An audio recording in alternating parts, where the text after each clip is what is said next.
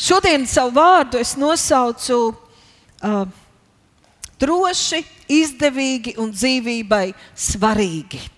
Mēs runāsim par kaut ko, kas ir priekš mums bezgala droši, ļoti, ļoti izdevīgi un dzīvībai svarīgi.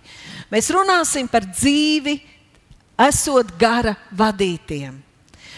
Mēs varētu arī to nodefinēt tā, ka mēs runātu par vecāku un bērnu attiecībām. Runājot par savu trīsvienību, mums būtu jārunā, kurš šeit valda, kas mani vada Šodien būs seminārs pulksten divos, un esmu bezgalīgi laimīga, ka mums tas izdevās. Man, man personīgi ļoti, ļoti gribējās, man gribējās, lai būtu šis darbs ar bērniem, lai būtu lomu spēles, lai viņus patrenētu. Esmu pateicīga Ketijai un visām komandai, visiem, kas atsaucās, mīļiem skolotājiem, kas kalpos un strādās, un vecākiem, kas jūs pieteicāties un būsiet. Un tur mēs arī runāsim par vecāku lomu pret bērniem, kā saprast, kā mīlēt, bet arī kā audzināt, kā disciplinēt.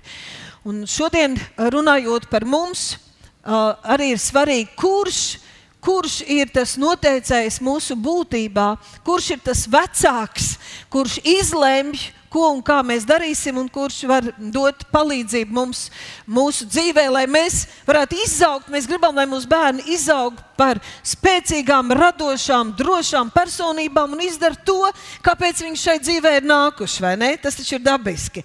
Tieši tāpat mūsu debes Tēvs grib. Grib, lai mēs neesam šeit nožēlojami, nelaimīgi, lai tikai ne debesīs uzzinām, Kādi bija tie resursi mums pieejamie, ko mēs neizmantojām un neizdarījām, kas viss mums pagāja garām gar degunu, tāpēc, ka kāds mūs apzag, tāpēc, ka mēs nesapratām, nes, nesaklausījām, neusticējāmies, nobijāmies, noslinkojām un tā tālāk. Mēs negribam. Un mūsu kā mācītāja pienākums arī būt Dieva sirds mutei un nodot šo Dieva sirdi, šodien tēva sirdi man un tev kā viņa bērniem. Un šis trīs dienu tāds svētīšanās, lūkšanas laiks, šis gavēns, kas bija uh, tiem, kas mēs varējām tikt, un es ticu, ka tāds īpašs svaidījums bija par tevi, ja arī tu uz visām šīm lūkšanām netiki.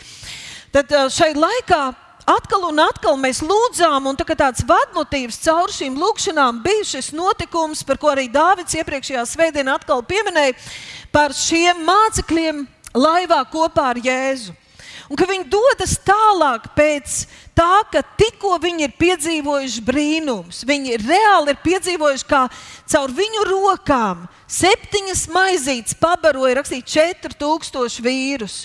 Un pēc tam vēl salasa septiņus pilnus grozus ar maizes gabaliem. Tas tiešām ir brīnums, lai gan mēs vienojāmies, ka mēs nebrīnīsimies par brīnumiem. Bet tas tiešām ir jauki, ka tādas lietas notiek, ka kaut ko tādu var piedzīvot.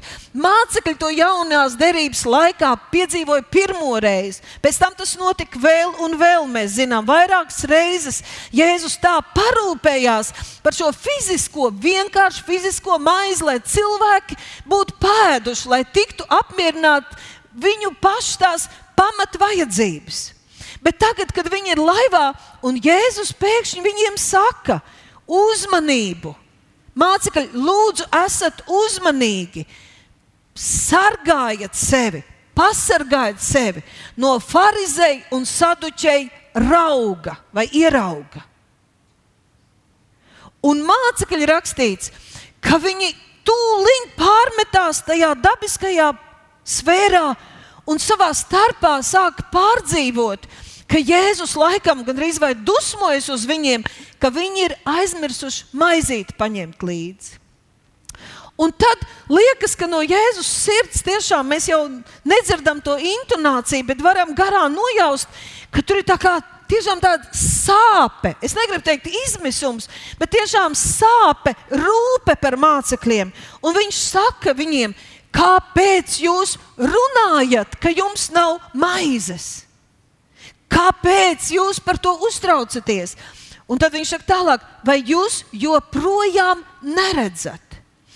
Ir tik daudz, kas jau noticis, tik daudz viņš ir runājis, tik daudz, kas ir darīts. Un viņš saka, vai jūs joprojām neredzat? Skaidrs, ka viņš nerunā par fiziskajām acīm. Vai jūs joprojām nesaprotat, neredzat un nesaprotat? Vai jūsu sirds joprojām ir apcietināta. Šo mēnesi Dievs patiesi sūta nepārtrauktu vārdu par mīkstu sirdi, kam pretī ir cieta sirds, vai kā pagājušajā reizē bija vārds apcietināt sirdi, cik tas ir bīstami. Un šeit mēs redzam, ka, ja sirds ir apcietināta, tad mēs neredzam, neredzam lietas, kādas tās ir, un nesaprotam, nesaprotam. Un Jēzus saka tālāk, vai tiešām jūsu sirds ir apcietināta, jums ir acis, jūs neredzat, jums ir ausis, bet jūs nedzirdat, vai tiešām jūs vēl nesaprotat?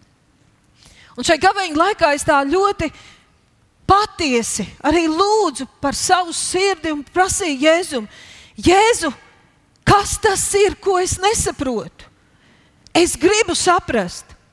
Es saprotu to, ka visu līdz galam es nekad nesapratīšu. Un lai cik es visu neizprastu, tā man atziņa vienalga būs vienmēr nepilnīga. Nav iespējams viss izprast, viss dziļums, tur cilvēku mūži nepietiek. Bet kas ir tas, par ko tu jēzu brīnies, par ko tev sāp sirds? Ko es nesaprotu? Un mēs jau runājām, cik dabiski tas ir, kad no tikko jēzus runājas par garīgām lietām, tikko ir notikuši brīnumi, un mirklis, un tas viss ir aizmirsies, miesā ir tik dabiski atkal rūpēties par praktisko. Un tad es paskatījos kontekstu un ieraudzīju, kad ir kaut kāds notikums starp brīdi, kad mācekļi ar Jēzu dala šīs maizes. Un šo sarunu atkal, ka viņi ir maizīti, kā aizņa, aizmirsuši līdzi. Un tur pa vidu ir rakstīts vienkārši, ka viņi iz, iekāpa laivā un nonāca Dalimantas, Dalimanutas tiesā kur farizēji un saduķēji prasīja zīmes no debesīm, kārdinādami Jēzu. Un Jēzus ir teiks, ka viņš tā garā, viņš tā nopūties, pārdzīvojot par to situāciju, par tiem cilvēkiem, saka, neviena zīme šai ciltī netiks dot vairs, kā vien Jonas zīme. Un viņš runā par savu nāvi un augšām celšanos. Un tad es saprotu, cik eh, skaidri nav vairs vārdu un skaidrojumu jāmeklē, kāpēc Jēzus runā tieši par raugu un brīdina no farizēja un saduķēra rauga. Tikko bija šais sarunās ar it kā reliģiskām personībām, personām, kas pieprasa no Jēzus zīmes, brīnums, vēl, vēl pierādi, pārliecini apskaidro man, manu, manu galvu, esi interesants, aizraujošs, apstiprini, uh, izdara kaut ko. Un tā tālāk, un tā joprojām, ja es saku, neviena zīme netiks dot. Un tad viņš saka mācekļiem, sargieties no šī auga. Galatiešiem ir teikts, ka nedaudz auga var saraudzēt visu mīklu. Ja tu sevi atstāji vietā, kur rūkst šis negatīvais augs, Citur ir teikts, ka liekulība, viņu liekulība. Citur ir teikts ārīga dievkalpošana, izlikšanās, patiesības noliekšana. Ārēji kristieši, bet dzīve nemainās. Ja tu ļauj tam raugam sevi rūkt, tas var pārņemt visu.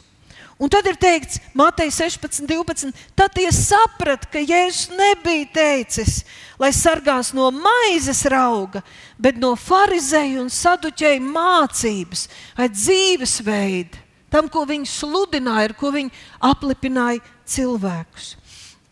Un patiesībā man šie mācekļi laivā visu šo laiku, kopš mēs par viņiem runājam, atgādina tādus mazus bērnus kas tā kā nu pat piedzīvoja zīmes un brīnumus, nu pat redzēja dieva darbus, nu pat dzirdēja, ko Jēzus saka, un Jēzus atkal un atkal viņus sauc maliņā, viņus, un īpaši uz viņiem runā. Bet viņi tur sēž un ņem di dieva teikto vienkārši viszemākajā iztiks līmenī. Aizmirsuši, kas nu patās notika nerespektējot neko no Jēzus vārdiem. Wow! mēs esam fizisko maizīti aizmirsuši paņemt. Kad es tā skatos uz Ādama ēdienas dārzā, man tad jautājums, ko viņš tev atgādina, kad viņš ielikts ēdenē? Dieva radītā, brīnumainā, fantastiskā zemē, viņa uzdevums ir visu to iepazīt, apskatīt, apgūt, tad apsaimniekot, ņemt tās sēklas un pavairot un pār to visu valdīt. Bet tur ir teikts, ka čūska piestrādā uz viņa pašlepnumu, uz viņa egoismu un parāda vienu lietiņu, paņem viņa uzmanību uz vienu lietiņu, un viņa miesa, un viņa prāts, un viņa lepnība kliedz: Es gribu tieši to! Kā trīsgadnieks Man vienalga, kas apkārt, cik augļu, cik koku, cik iespējas, ka man dzīvu dzīves nepietiks, lai to visu iegūtu, lai to baudītu. Es gribu to!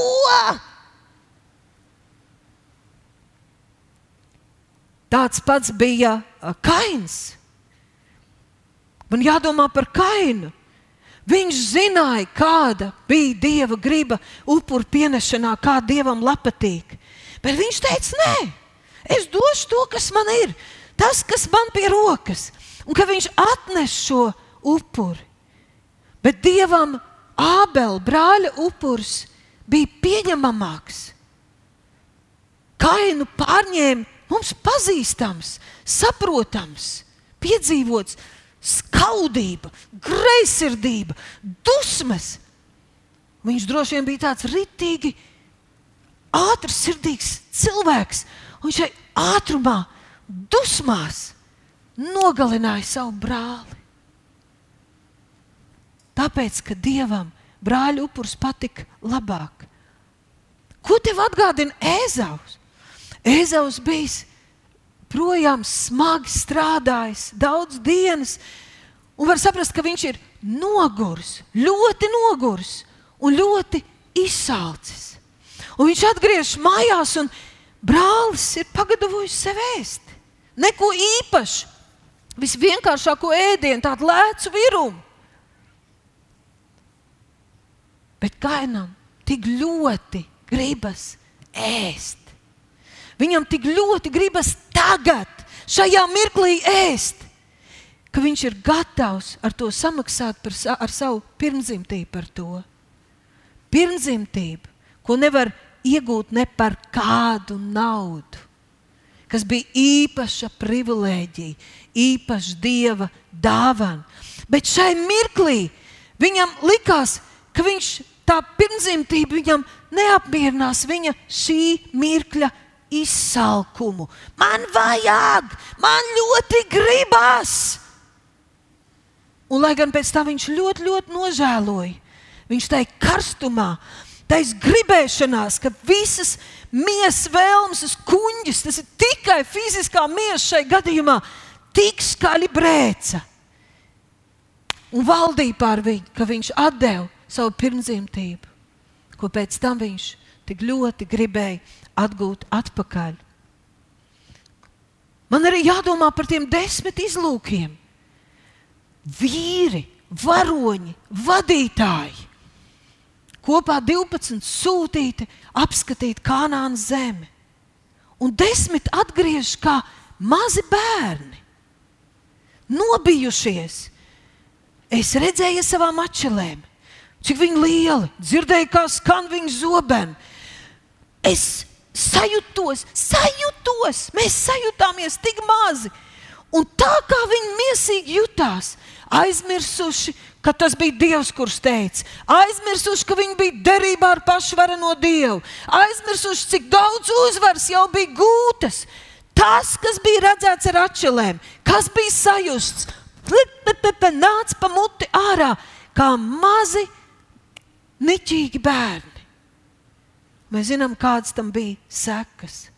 Jā, man šīs situācijas atgādina bērnu, nesavaldīgu, niķīgu vai tā, no miesas, miesīgu, miesas kontrolētu un vadītu cilvēku. Un neizliksimies, ka mums tas būtu svešs. Mums visiem ir pazīstams šīs cīņas ar savu veco dabu, ar savu veco būtību, ar savām gribēšanām, ar tā trīsvienību. Es gribu, es domāju tā, vai es jūtu tā. Tas tā grib dominēt, kontrolēt un valdīt. Tāpēc paldies Dievam par svētīšanas laikiem, par laikiem, kad mēs Dievs īpaši sūta vārdu. Kādreiz, lai gan man ļoti patīk svētgara prieks, man gribētos dievkalpojumus, un ir tik patīkami dievkalpojumi, ka var runāt par tādām lietām, ka visi raujas kājās un aplaudē un kliedz aleluja, un tā krīt zemē aiz, aiz laimes un prieka. Dievs Tēvs rūpējas par mums un sūta vārdu, arī atgādina, hei, esiet uzmanīgi! neatkārtojam vairs tās kļūdas.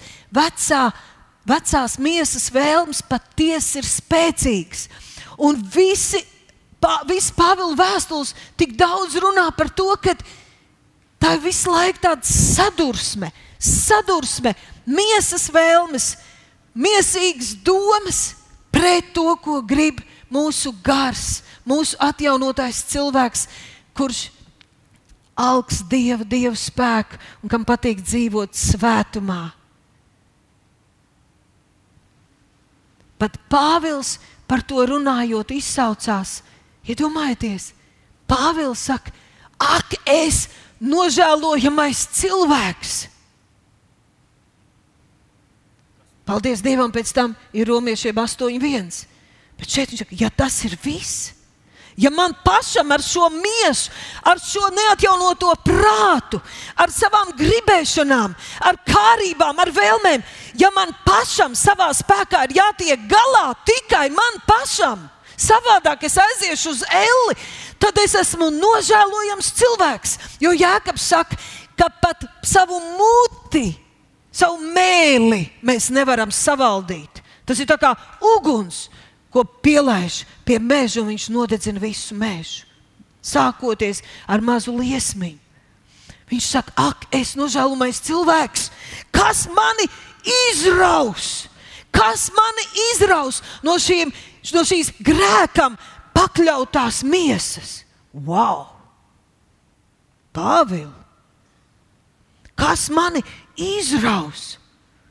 Šķiet, viņš burtiski runā par sajūtām, un viņš tā jūtas, tad, kad atrodas cīņā, kad viņā kaut kas grib un kaut kas ļoti, ļoti negrib.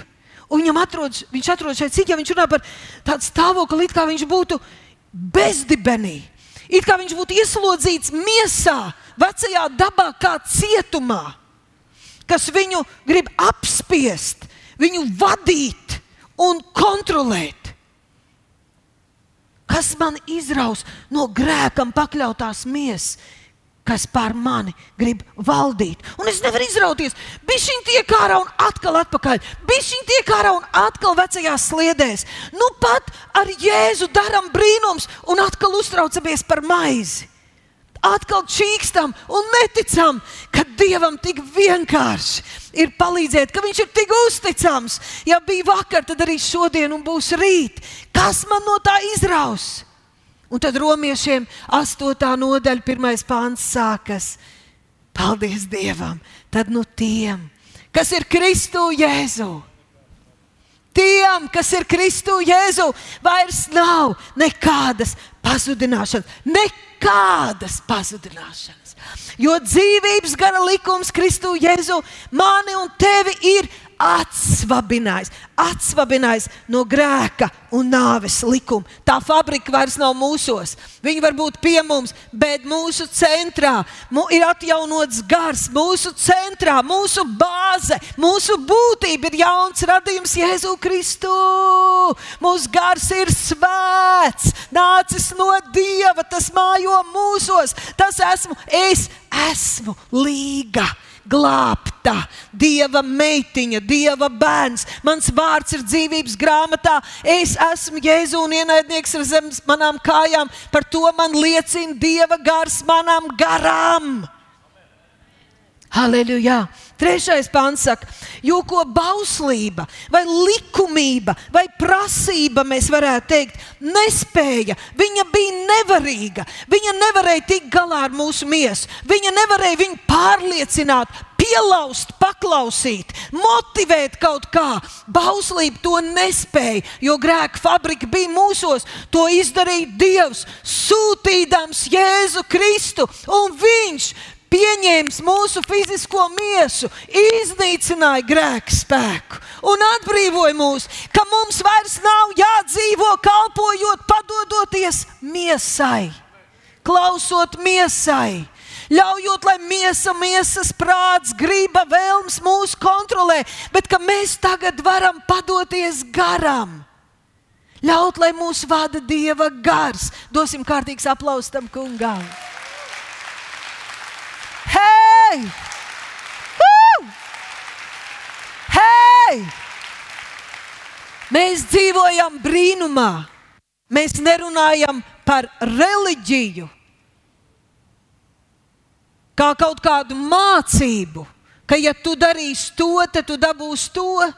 Mēs runājam par dzīvu Dievu, kas ir dzemdinājis bērnus un no sava gara, no savas būtības ielicis mūsos savu garu. Un viņš saka, ka tas, kas dzimis no dieva, Jānis saka, vēstulēs, tas negrēko. Nekad mūsu gars negrib grēkot. Mūsu gars ir svēts. Viņš nekad negrib grēkot un negrēko. Halleluja! Paskatīsimies pāris punktus. Kāpēc mums ir tik svarīgi, lai mēs domāt par to, lai mēs virzītos uz to, lai mēs rūpētos par to, ka mēs savā ikdienā tiktu gara vadīt, lai mūs motivē, lai mēs uh, parūpējamies, kad nevis miesa mūs kontrolē, bet ka mēs sekojam patiesībai. Kāpēc tas ir tik svarīgi? Romiešiem 8. nodaļa, 6. pāns. Lūk, kāpēc. Jo miesas vēlmes ved nāvē.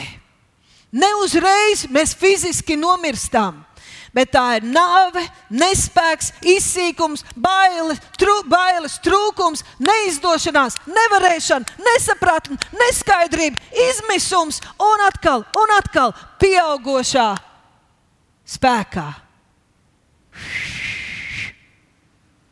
Miesas vēlmes ved nāvē bet gara vēlmes uz dzīvību un mieru.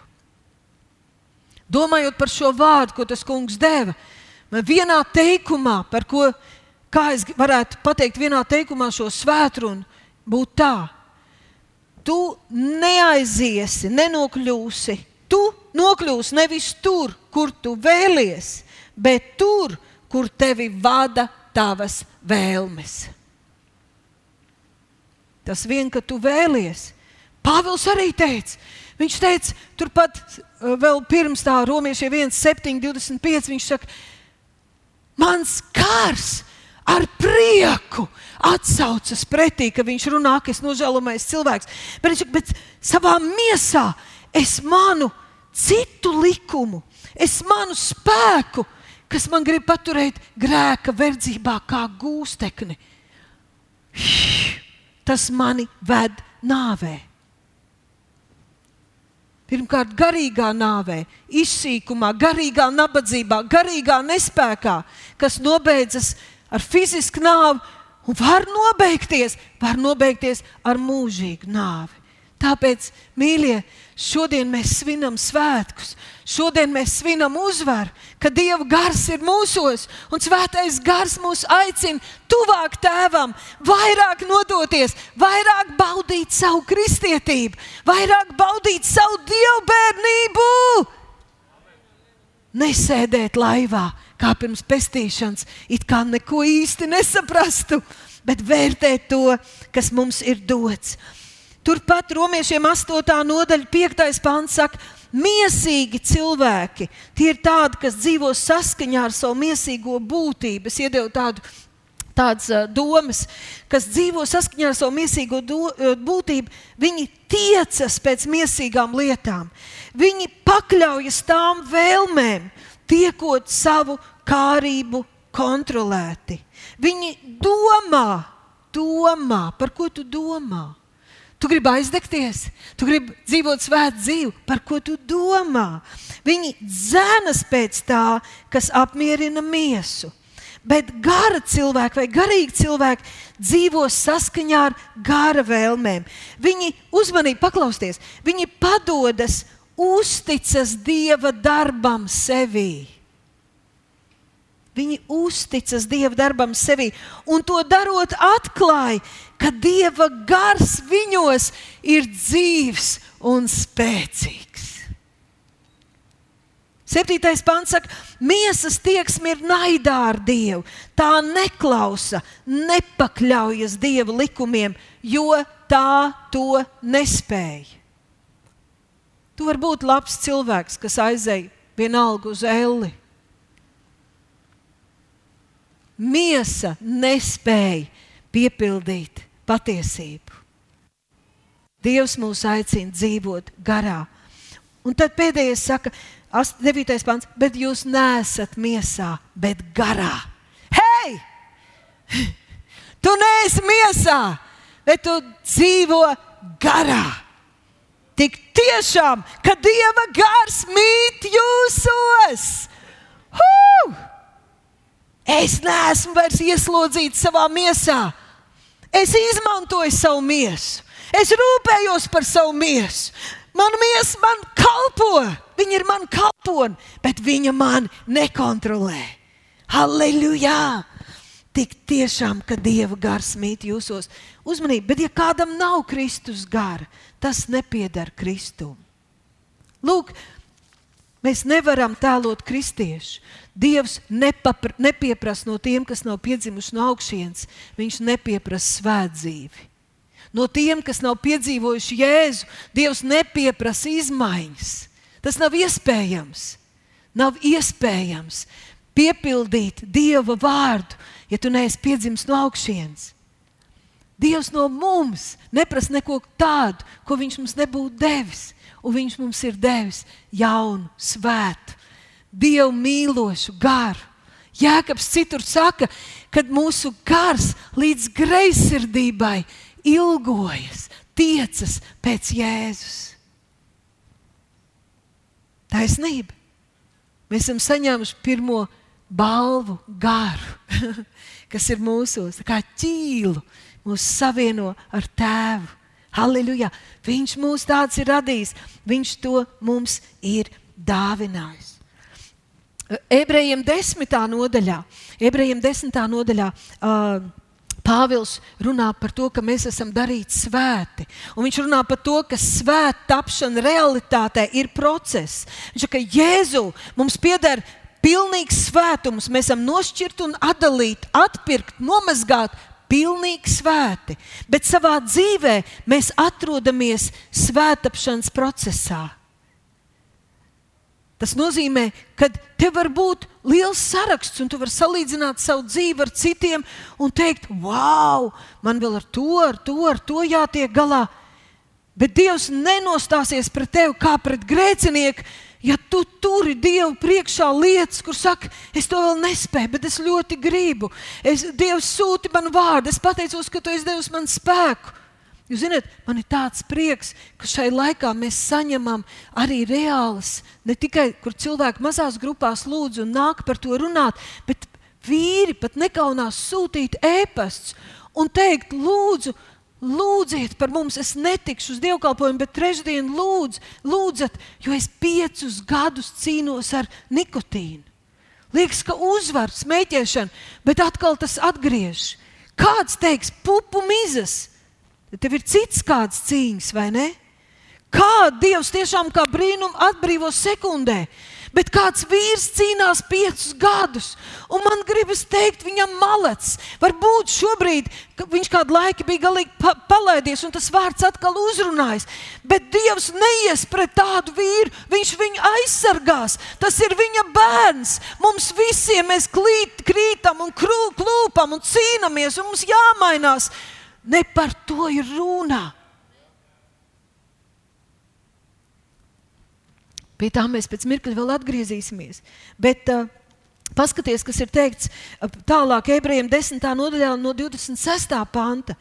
Ja pēc patiesības, paskaties, ir ļoti nopietni, ja pēc patiesības atziņas saņemšanas mēs tīši grēkojam, ja pēc patiesības atziņas saņemšanas mēs tīši grēkojam, vai cits tas tulkojums saka, ja apzināti, apzināti turpinām grēkot pēc tam, kad esam ieguvuši sapratni par patiesību. Tad ir teikts, Pāvils saka, tad vairs nepaliek upuris par grēkiem. Jēzus nenāks vēlreiz par to mirt. Viņš ir nomiris, bet mēs neatsakāmies no tām lietām. Mēs viņus neatstājam. Mēs turpinām, mēs kā ejam pret Dievu ar to. Tad atliek vien tiesas gaidīšana un uguns karstums, kas aprīs pretiniekus. Mēs kļūstam kā dievam par pretiniekiem, ja apzināti turpinām. Atstāju vēl šo raksturvietu, lūdzu. Pievēršam uzmanību. Tas ir tas, ko es teicu. Mēs neviens nezinām, ko, kā Dievs atklājas mums katram. Bet Dievs zina, ko tu zini. Un tāpēc es saku, ka kādreiz jaunieši, teiksim, vai kā, salīdzina savu dzīvi ar citiem un saka, bet tajā draudzē, bet tas, bet paskaties, tas grēko un viņam nekas. Un pat stāst par kādiem kristiešiem kaut kur, kas dzēr, smēķē, pārkāp laulības, dzīvo pirmslaulības attiecībās. Es runāju par tādām nu, redzamām lietām. Tikpat riebīgi un briesmīgi ir aprunāšana, tiesāšana, melošana un viss cits lietas. Ja? Vienkārši par tādām redzamām, ka mēs darām, un tad, kad aizrāda, tad cilvēki tiešām paliek dusmīgi, apvainojas, iet prom no draudzes. Jūs esat vecmodīgi, jūs nesaprotat, jūs pārspīlējat, un tā tālāk, un tā joprojām. Un man tad gribas teikt, liec mierā to draugu.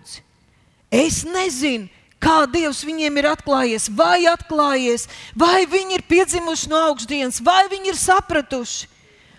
Dievvvārdā ir teikts, nolādēts, kas skatās uz cilvēkiem. Esi tu par piemēru. Tas, kurš varbūt tev šķiet dara nepareizi, es nezinu, varbūt viņš nav piedzimis, varbūt viņš nav atzinis, varbūt viņš nav atzinis patiesību. Un viņš tiešām tīši negrēko. Varbūt svētais gars viņu neuzrunā. Es gribu teikt, tas ir šausmīgi bīstams stāvoklis. Tas ir tiešām bīstams stāvoklis, bet ne es varu kaut ko teikt. Es, varu, es kā mācītājs vai mēs, kā Dieva bērni, varam pateikt, ko saka Dieva vārds. Mums nav jāatvainojas par Dieva vārdu. Mums nav jātaisno, ka Dievs kaut ko nesaprastu. Es tā kā gribētu vienkārši neaiziet pazušanā, nesačakarēt savu dzīvi, nekļūt par dievu ienaidnieku. Un es negribētu, lai tu to izdari. Tāpēc piedod, es, es pārstāvēšu Dievu. Tas, ko šajā gadā pēc Covid esmu sapratusi vēl vairāk, man nav jātēlo garīgais psihologs, lai gan man to ļoti patīk, un daudz citas lietas, kur man patīk. Tur man ir jāpārstāv Dieva balss. Jo nedaudz to dara. Es tam esmu aicināts. Tu tam esi aicināts. Pārstāvēt Dievu, rādīt, kāds Viņš ir, rādīt, ka tā ir patiesība, rādīt, ka tajā ir spēks, rādīt, ka Dievs glābj, rādīt, ka mēs esam gaisma kalnā, ko neslēp zem, zem madračiem. Halleluja! Redz, Dievs zina, ko Viņš tev ir atklājis. Dievs zina, ko tu zini. Un Dieva priekšā mēs esam atvērti. Mēs nevaram izlikties un melot un, un, un teikt, bet rekā tas un rekā tas. Mēs esam atbildīgi par savām dzīvēm. Te ir teikts tālāk, 28. pāns. Kas pārkāpj mūžus bauslību, tas mirst bez žēlastības vecā derībā. Diviem vai trīs lieciniekiem liecinot, ir cilvēki, kas grib atgriezties vecajā derībā pie bauslības. Wow! 29. pāns tālāk saka, padomājiet, cik daudz smagāks sods būs tam, Un te, mīļie, mēs atrodamies tagad jaunajā derībā, šodien. Šodien pēc krusta. Mēs, kas esam atpirkti ar Jēzus asinīm. Viņš saka, padomājiet, ja toreiz jau bija tā, šobrīd viss ir labi, ir žēlstības laiks. Šobrīd Dieva gars lēnām un maigi pie mums, uz mums runā, aicina, brīdina, bet tā tas nebūs mūžīgi. Tas šis laiks beigsies reiz. Un viņš saka, ja toreiz bija tā, tad padomājiet, cik daudz smagāks sods būs tam. Un tad viņš min trīs lietas. Tas ir cilvēks, kurš atzīst patiesību un neko nedara. Neko nemaina savā dzīvē. Neuztraucies, mēs parunāsim, cik vienkārši ir mainīt kaut ko savā dzīvē. Jo ne, briesmīgi dzīvot apsūdzībās un nespējā. Ne par to mēs runājam. Bet paskatieties, kas notiek, ja es sēžu laivā un nerēķinos ne ar ko, ko Jēzus ir izdarījis. Es sēžu un čīkstu par, par tām maizītēm. Dieva dēlu minis kājām. Dieva dēlu patiesību, patiesību, glābšanu, taisnošanu, taisnību. Es viņā noslauku kājas. Es to ignorēju. Jēzu, man tevi vajag, kad dziedināšana, finanses, laulībā, vēl kaut kur. Bet šitās lietas, pf, tas uz mani neatiec. Es to ignorēju. Es tam vienkārši staigāju pāri. Es esmu labāks, lielāks, gudrāks. Man nav jāpadodas Dievam, man nav jārēķinās ar Viņa vārdu. Otrais, turpat tālāk ir teikt, derības asinis, derības asins, ar ko Viņš svētīts, ar ko es svētīts, es turu par nesvētām. Vecās derības varoņi, teiksim, ķēniņš Dāvids, Daniels, piedzīvoja ļoti liels grūtības un milzīgas dievu spēka demonstrācijas un glābšanas. Viena iemesla dēļ viņiem nebija viss tas, kas bija mums, bet viņi balstījās uz derību, kas viņiem ir ar vareno dievu. Mēs dzīvojam jaunajā derībā, daudz labākā. Mēs pēc mirkļa baudīsim Kunga Jēzus derības mīlestību. Atgādināsim to, kamā mēs atrodamies. Jēkabs runājot par šo situāciju, par tādiem mācekļiem, kas sēž laivā, visu ignorējot, saka tā: Jūs laulības pārkāpēji. Vai nezināt, ka mīlestība uz šo pasauli, mīlestība, tas, ka es, es dzenos, rūpējos, pielūdzu, kalpoju, man saknes ir šai pasaulē, ir naids pret Dievu. Katrs, kurš dod priekšroku būt par pasaules draugu, padara sevi par Dieva ienaidnieku. Paplašinātais tulkojums saka tā: jūs neusticamās sievas Vai tā kā vecais tulkojums saka, pavisam rūpīgi, es to neteikšu, bet es varētu teikt tā, garīgās prostitūts. Neusticamās sievas, kas veicat mīlas afēras ar pasauli, laižot, laužot laulības zvērestu ar Dievu.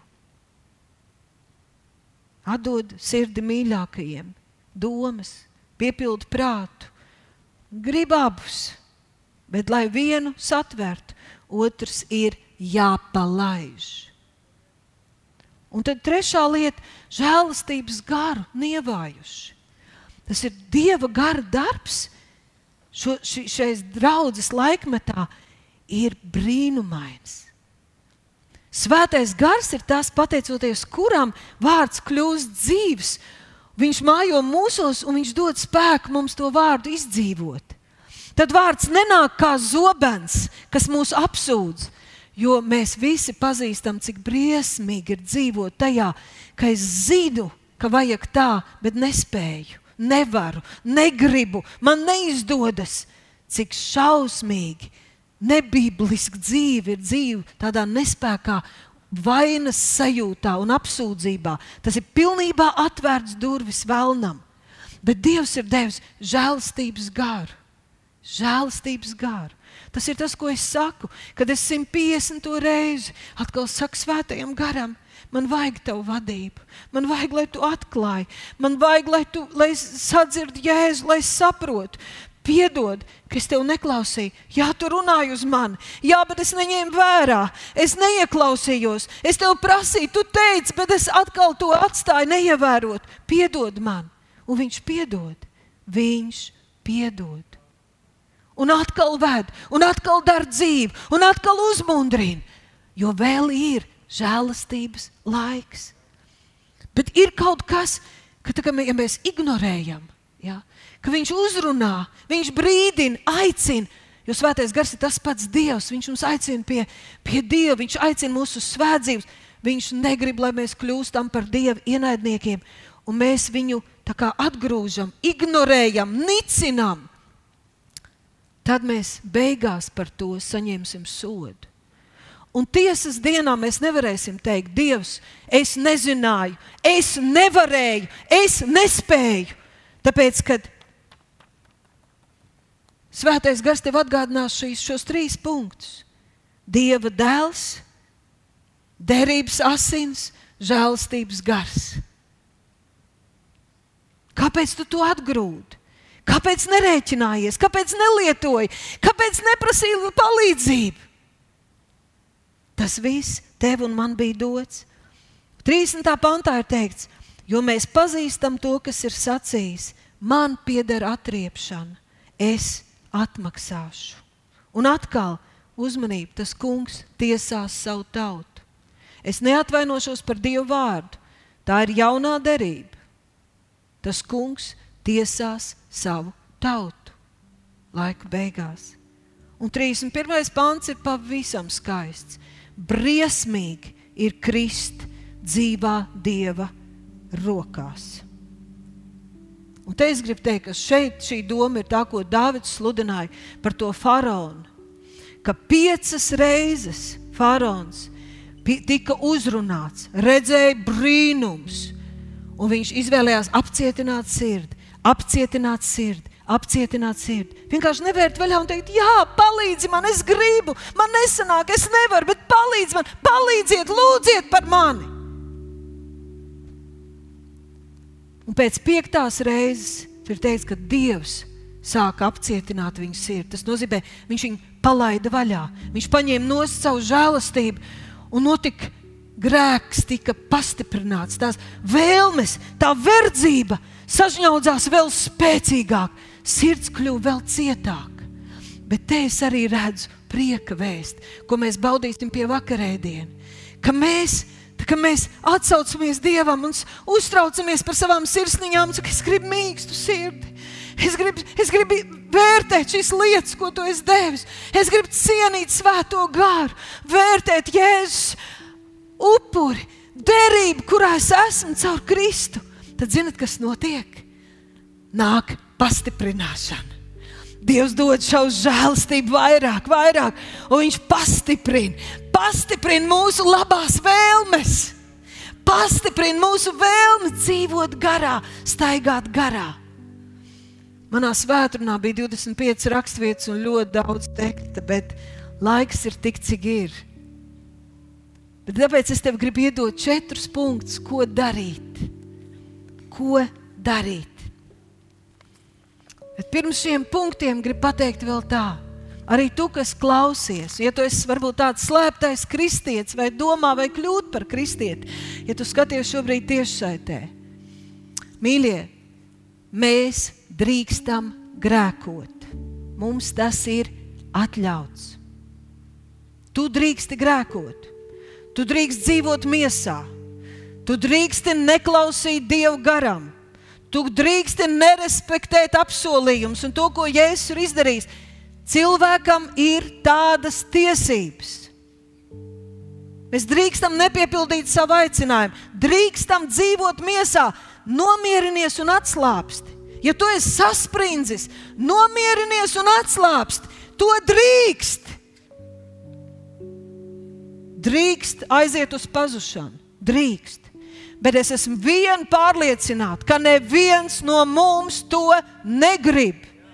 Neviens to negrib. Halleluja! Un tāpēc dzīvot uz naža asmens un domāt, ah, ja nu izrādīsies debesīs, ka es tur tā baigi neko no tā nedarīju, bet šī tik daudz tomēr drīkstēja. Ai, ai, un līga būs mani apzagusi. Teicot, ka te tā ir rakstīts. Un Dievs teiks, oh, ārprāts, kāds svētums! Tu domā, ka tu Neviens no mums nevar pārsteigt Dievu ar svētdzīvi. Un zinat, vienu tiešām, ja reiz es par sevi runāju, pasauc man debesīs uz tepiķīšu, pasauc mani, pieved man pie Jēzus un apsūdz mani. Ja būs kaut viens cilvēks, kurš būs nožēlojis, ka pat daudz ir paklausījis, pat daudz uzticējies, pat daudz nodevies, par daudz kalpojis, par daudz mīlējis. Pasauc mani, tad es būšu vainīga.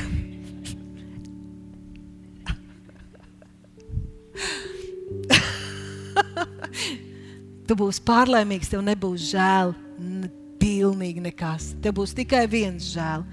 Kāpēc es vairāk nē? Kāpēc es, man bija iespēja? Tātad šie četri punkti, tikai pieskaršos. Maini savu attieksmi pret grēku. Neaizstāv grēku.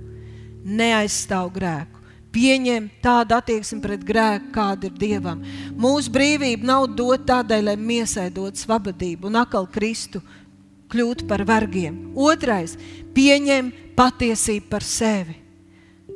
Dievs saka, domājiet, tā arī domājiet jūs par sevi ka esat miruši grēkam un tagad augšām celšies Dievam. Tā arī domājat jūs par sevi. Nav iespējams kļūt svētam, uzvarēt grēku, ja tu identificē sevi kā grēcinieku. Ja tu redzi, jūti, domā par sevi kā par grēcinieku, nav iespējams tev kļūt svētam. Tikai tad, kad tu pieņem, ka tu jau esi svēts, kad tu redzi sevi svētu, tad tu arī tiec galā ar lietām, kas tev traucē izmaini savu attieksmi pret grēku un pieņem patiesību par sevi, kā Dievs tevi redz, ko Dievs par tevi saka. Trešais - rīkojies, dzīvo garā. Dzīvo, paklaus, rēķinies, uzticies, atveries, neaizslēdzies, ne, nepieņem apsūdzētāju, bet baudi to, ko Jēzus ir izdarījis tavā dzīvē. Vadies no svētā gara, lai tās lai pastiprini šīs vēlmes. Pastipri, nemīli pasauli, ne to, kas ir pasaulē. Dzīves lepnība, atskārība, mieskārība nav no dieva, bet ir no velna. Un tas viss aizies kā satīta grāmata, bet kas mīl dievu, tas paliks mūžīgi. Halleluja! Un trešais - disciplinē savu miesu un dvēseli, kontrolē, valda pār to. Bērnam ir vajadzīgi vecāki jo bērns ir mazāks. Dāvids mums jau ir draugs. Bet bērnam nevajag vecāku draugu. Bērnam vajag kārtīgus vecākus. Vecāks, kuri mīl savu bērnu. Tas nozīmē, sarga, rūpējas, apgādā, bet noteikti arī māca, disciplinē, uzliek robežas attiecīgi vecumam, bērna drošības, veselības un nākotnes dēļ. Trīsgadniekam vecāki nedrīkst prasīt, tu gribi burkāni vai konfeti? Tu gribi ceptu cīsiņu vai sautējumu? Kādreiz var iedot arī konfeti, ir iespējas un izvēles, bet ir lietas, ko dēļ bērna veselības bērnam vienkārši vajag. Septiņgadniekam vecāki neprasīs, tu šodien gribi iet uz skolu vai paskatīsies labāk multenītes. Un patsmetniekam tu neteiksi, tu tagad mācīsies vai papadzīvi paspēlēs datorspēles. Vēl kāds stundiņš līdz vakaram. Tie nav gudri vecāki, taisnība. Bērnam vajag vecāks, kuri mīl, bet kur audzina. Un es gribu teikt, arī mums, arī mums vajag vecāku. Un mums ir tēvs, tēvs, tēvs, tēvs, Tēvs, Tēvs, Tētis, Tēvs, Tēvs, Tēvs debesīs.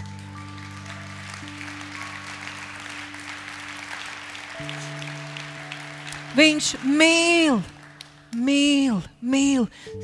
Un tai viņa vadībā, tai, par ko mēs runājam, ir iekšā tā aprūpe, apsardzība, dziedināšana, palīdzība. Bet noteikti arī otra daļa - robežas mūsu pašu drošībai, veselībai, disciplīna, kārtība, treniņš, attīstība. Tā kā divas veselīgas rokas audzināšanā. Tad no bērna mēs kļūstam lēnām par draugu. Tas kā mazs bērns. Es nezinu, nevienu arī no saviem astoņiem, bet cik mazgā zobiņus, seši šobrīd mazgā zobiņus. Man liekas, es nezinu, Matilda droši vien arī jau mazgā zobiņus. Nezinu, nevienu mazu bērniņu, kuram, ot, kā pateicis, tā viņš katru rītu un vakaru pats berž zobiņus. Nē, nu, saka, mutītu loļā. Mēs vedam tur stāstīt, kā tur zobgrauzis. Tur grauž, ja tu nemazgāsi, un ar visādām viltībiņām ņemamies, ņemamies. Līdz septiņiem gadiem vecākiem vajag palīdzēt un kontrolēt, kā bērns mazgā zobus. Bet pēc tam pienāk brīdis. Es atceros, kā tas bija valcis. Viņam jau ļoti ātri tas bija. Viņš nevar aizmigt, ja viņš nav izmazgājis zobiņus. Viņš vēl bija bērns. Mēs, mūsu miesa sāk kalpot un palīdzēt ja mēs viņu rūdam, rūdam, rūdam, kalpinām un ļaujam viņai arī baudīt Dieva slāvu.